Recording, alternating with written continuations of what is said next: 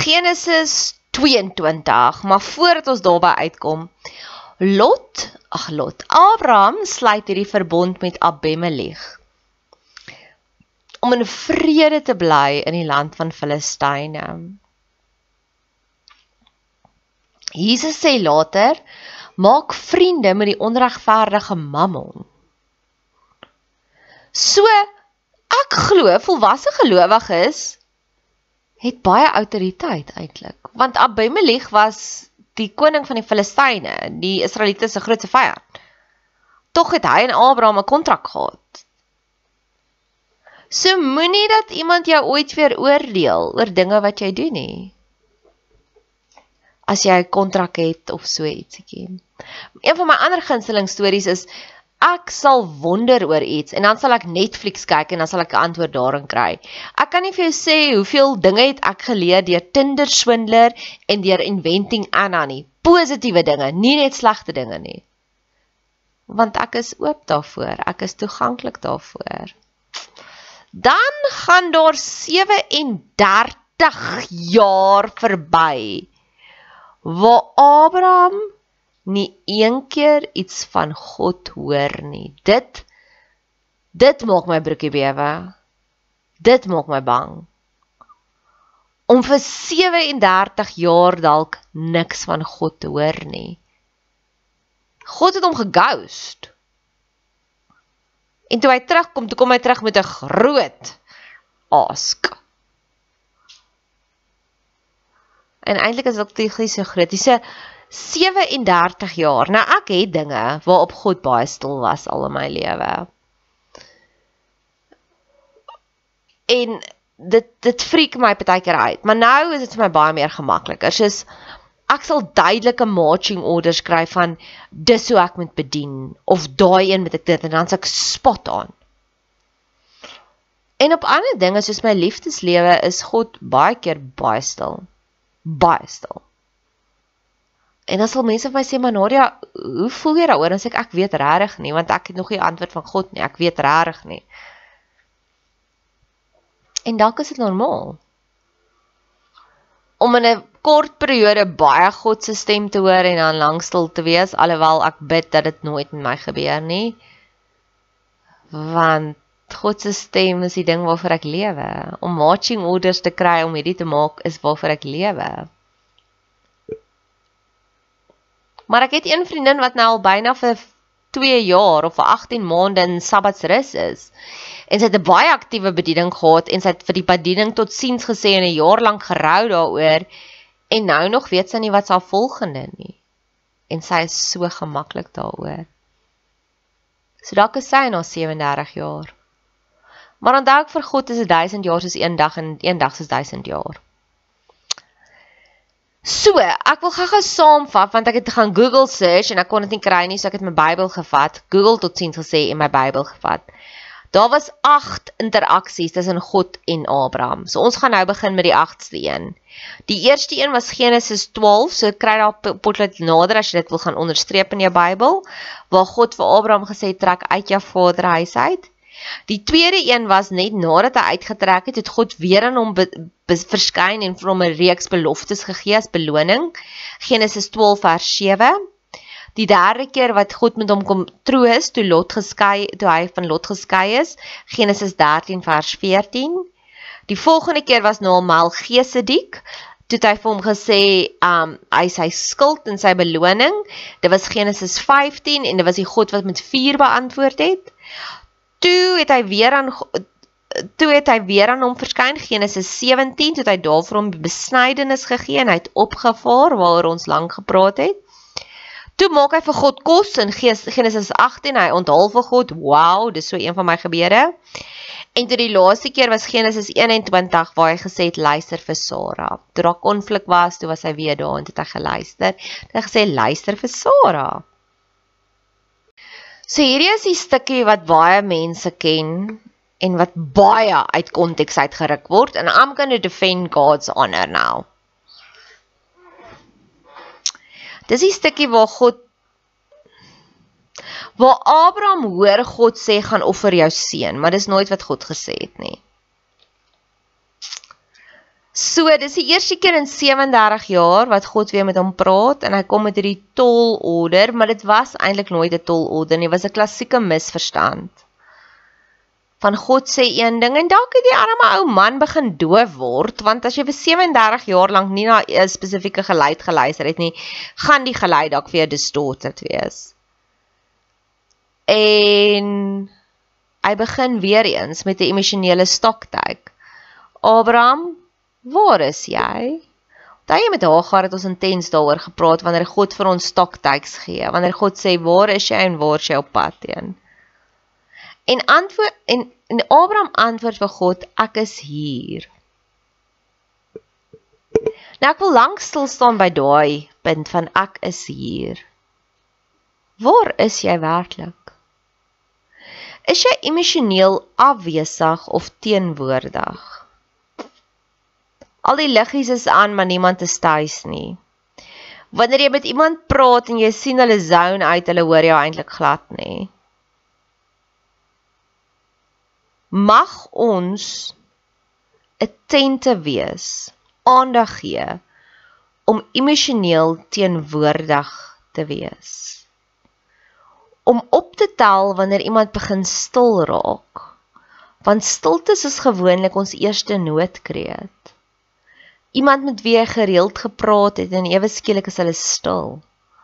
En ons kom dit agter en ons is daar vir hulle.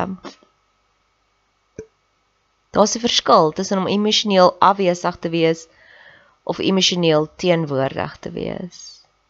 Daardie vriendin wat roem sy se vriendin, maar elke keer as jy haar nodig het, skitter sy in afwesigheid. Dan sy emosioneel afwesig.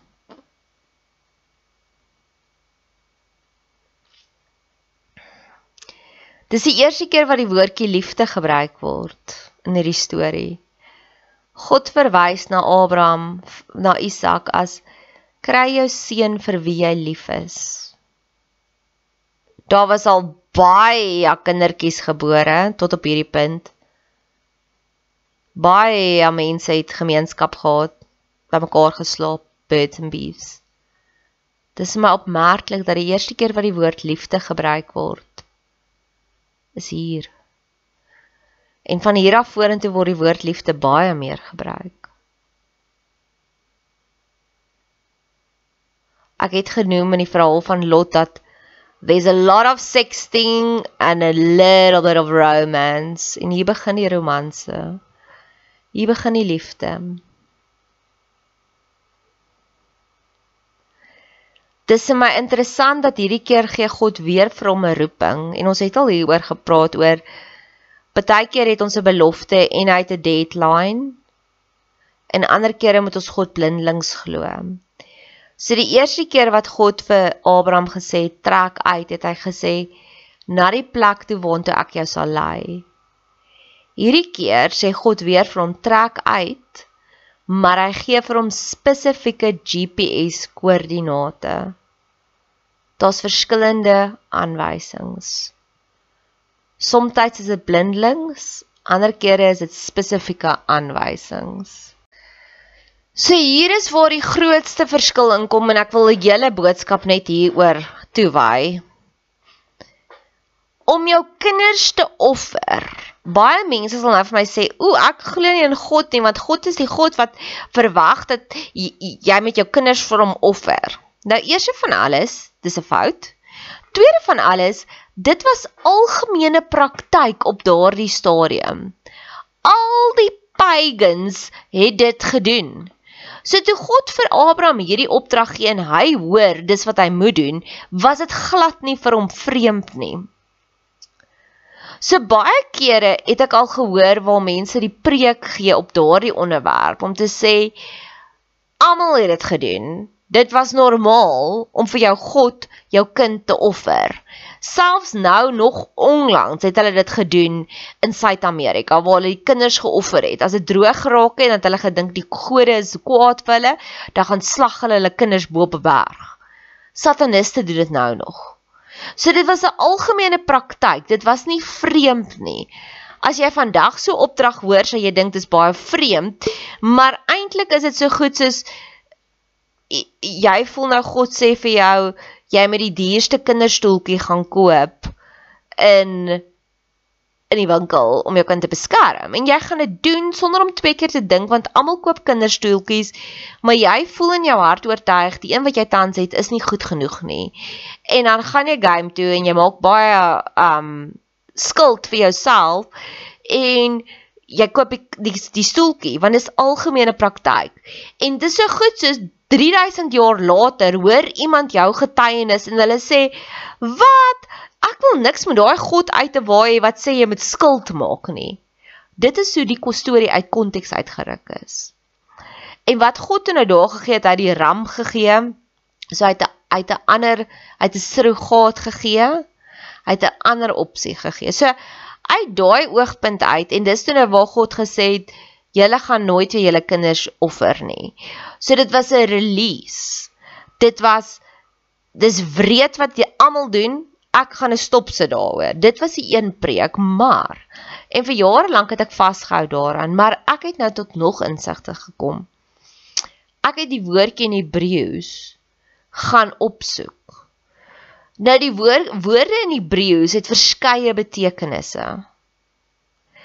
Dit is soos nou moet ek aan een dink.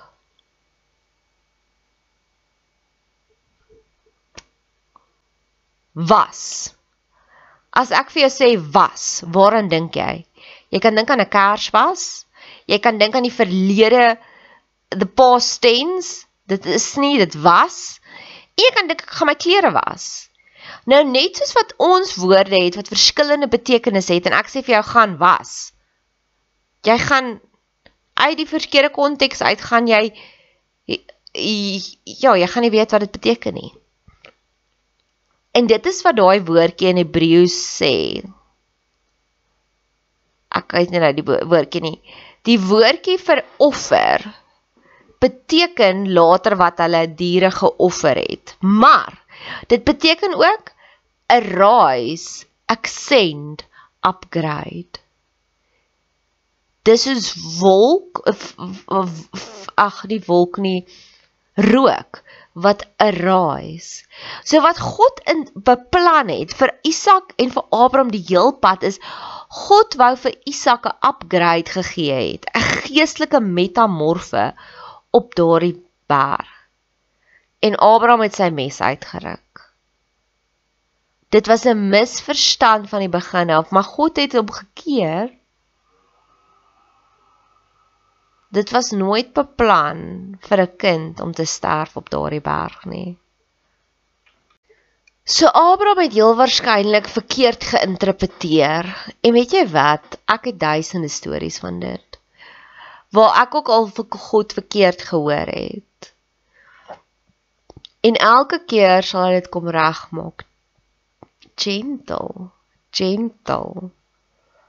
Soos vir jare lank het ek video's gemaak, YouTube video's en dit was verskriklik uitputtend. En gently het God my gelei na podcast toe. En gently het God my gelei ja, die boodskapies het begin met die liefste prinses boodskapies. Gently het God my gelei na die voice notes toe. En ek het al soveel bevestigings gekry. So wat ek glo, ek het jare terug het ek gehoor 'n opdrag gehoor om te kommunikeer daagliks op WhatsApp. En ek het die boodskapies uitgestuur uit gehoorsaamheid. En het ek dit gepos vir 4 maande lank verlede jaar. En toe kom 'n idee van hierdie tipe van boodskappe. En ek kry weekliks 'n boodskap waar ek iemand se hartsnare aangeraak het. Dankie vir elkeen van julle wat dit stuur die die groepie is aansienlik kleiner. Ek dink ek het 10voudig meer vir vrouens gestuur met die getikte boodskapies. Maar die reaksie is baie meer akkuraat. Baie meer is dit in ek dink ek het dit vir 7 jaar lank gehad met die prinses boodskapies. Baie meer as ek kry nou baie meer reaksie in 'n maand of 2 maande se tyd as ek ooit gekry het by die prinses boodskapies. So ja, God het selfs 'n oplossing wanneer ons verkeerd hoor. Weereens het God Abraham se oë aangeraak En toe kon hy die ram sien. Toe sien hy die oplossing. En dit is daar's baie korrelasie met die Hagar storie. Hagar het nie die fontein gesien wat haar kind se lewe sou gered het nie. God het sy haar oë aangeraak. Toe sien sy die fontein, toe sy kind se lewe gered. Dieselfde hier. Abraham het nie die ram gesien wat sy kind se lewe sou gered het nie. God raak sy oë aan, toe red hy, toe sien hy die ram ram raak, toe sy seun se lewe gespaar. Partykeer is ons net te blind om dit te sien wat reg voor ons is, die oplossings. En mag God aan ons oor aanraak. Ek het dit baie geniet in een van die kommentare wat ek navorsing oor opgedoen het. Um wat hy sê is hoor hierdie mooi woord, ek se woord nerd, nerd alacrit alacrity. Dis hoe hy beskryf het um het Abraham opgetree met 'n brisk and cheerful readiness. En ek dink God hou van dit. God hou daarvan as hy sien hy gee 'n opdrag en ons reageer dadelik. Ek het vroeër gepraat oor Lot se vrou en hoe sy nie opgetree het nie. Sy het die hele tyd teruggekyk, sy het die hele tyd geprokrastineer. Ek dink God hou baie meer daarvan as ons uitspring en iets doen, al doen ons dit halfpad verkeerd. sien hy ons bereidwilligheid om te luister op 'n emosionele of 'n sielkundige vlak is daar ook iets soos dit. Hulle noem dit genius. Wanneer jy inspirasie kry en jy reageer daarop, dan kom die inspirasie weer en weer en weer. Maar as jy in die inspirasie deeltyd gaan onderdruk of dit gaan ignoreer, gaan dit nie meer kom nie. Ek is 'n kunstenaar, so ek weet van skryf, ek weet van potgoeie maak. En hoe meer ek ag gee daarop, hoe meer kom die idees.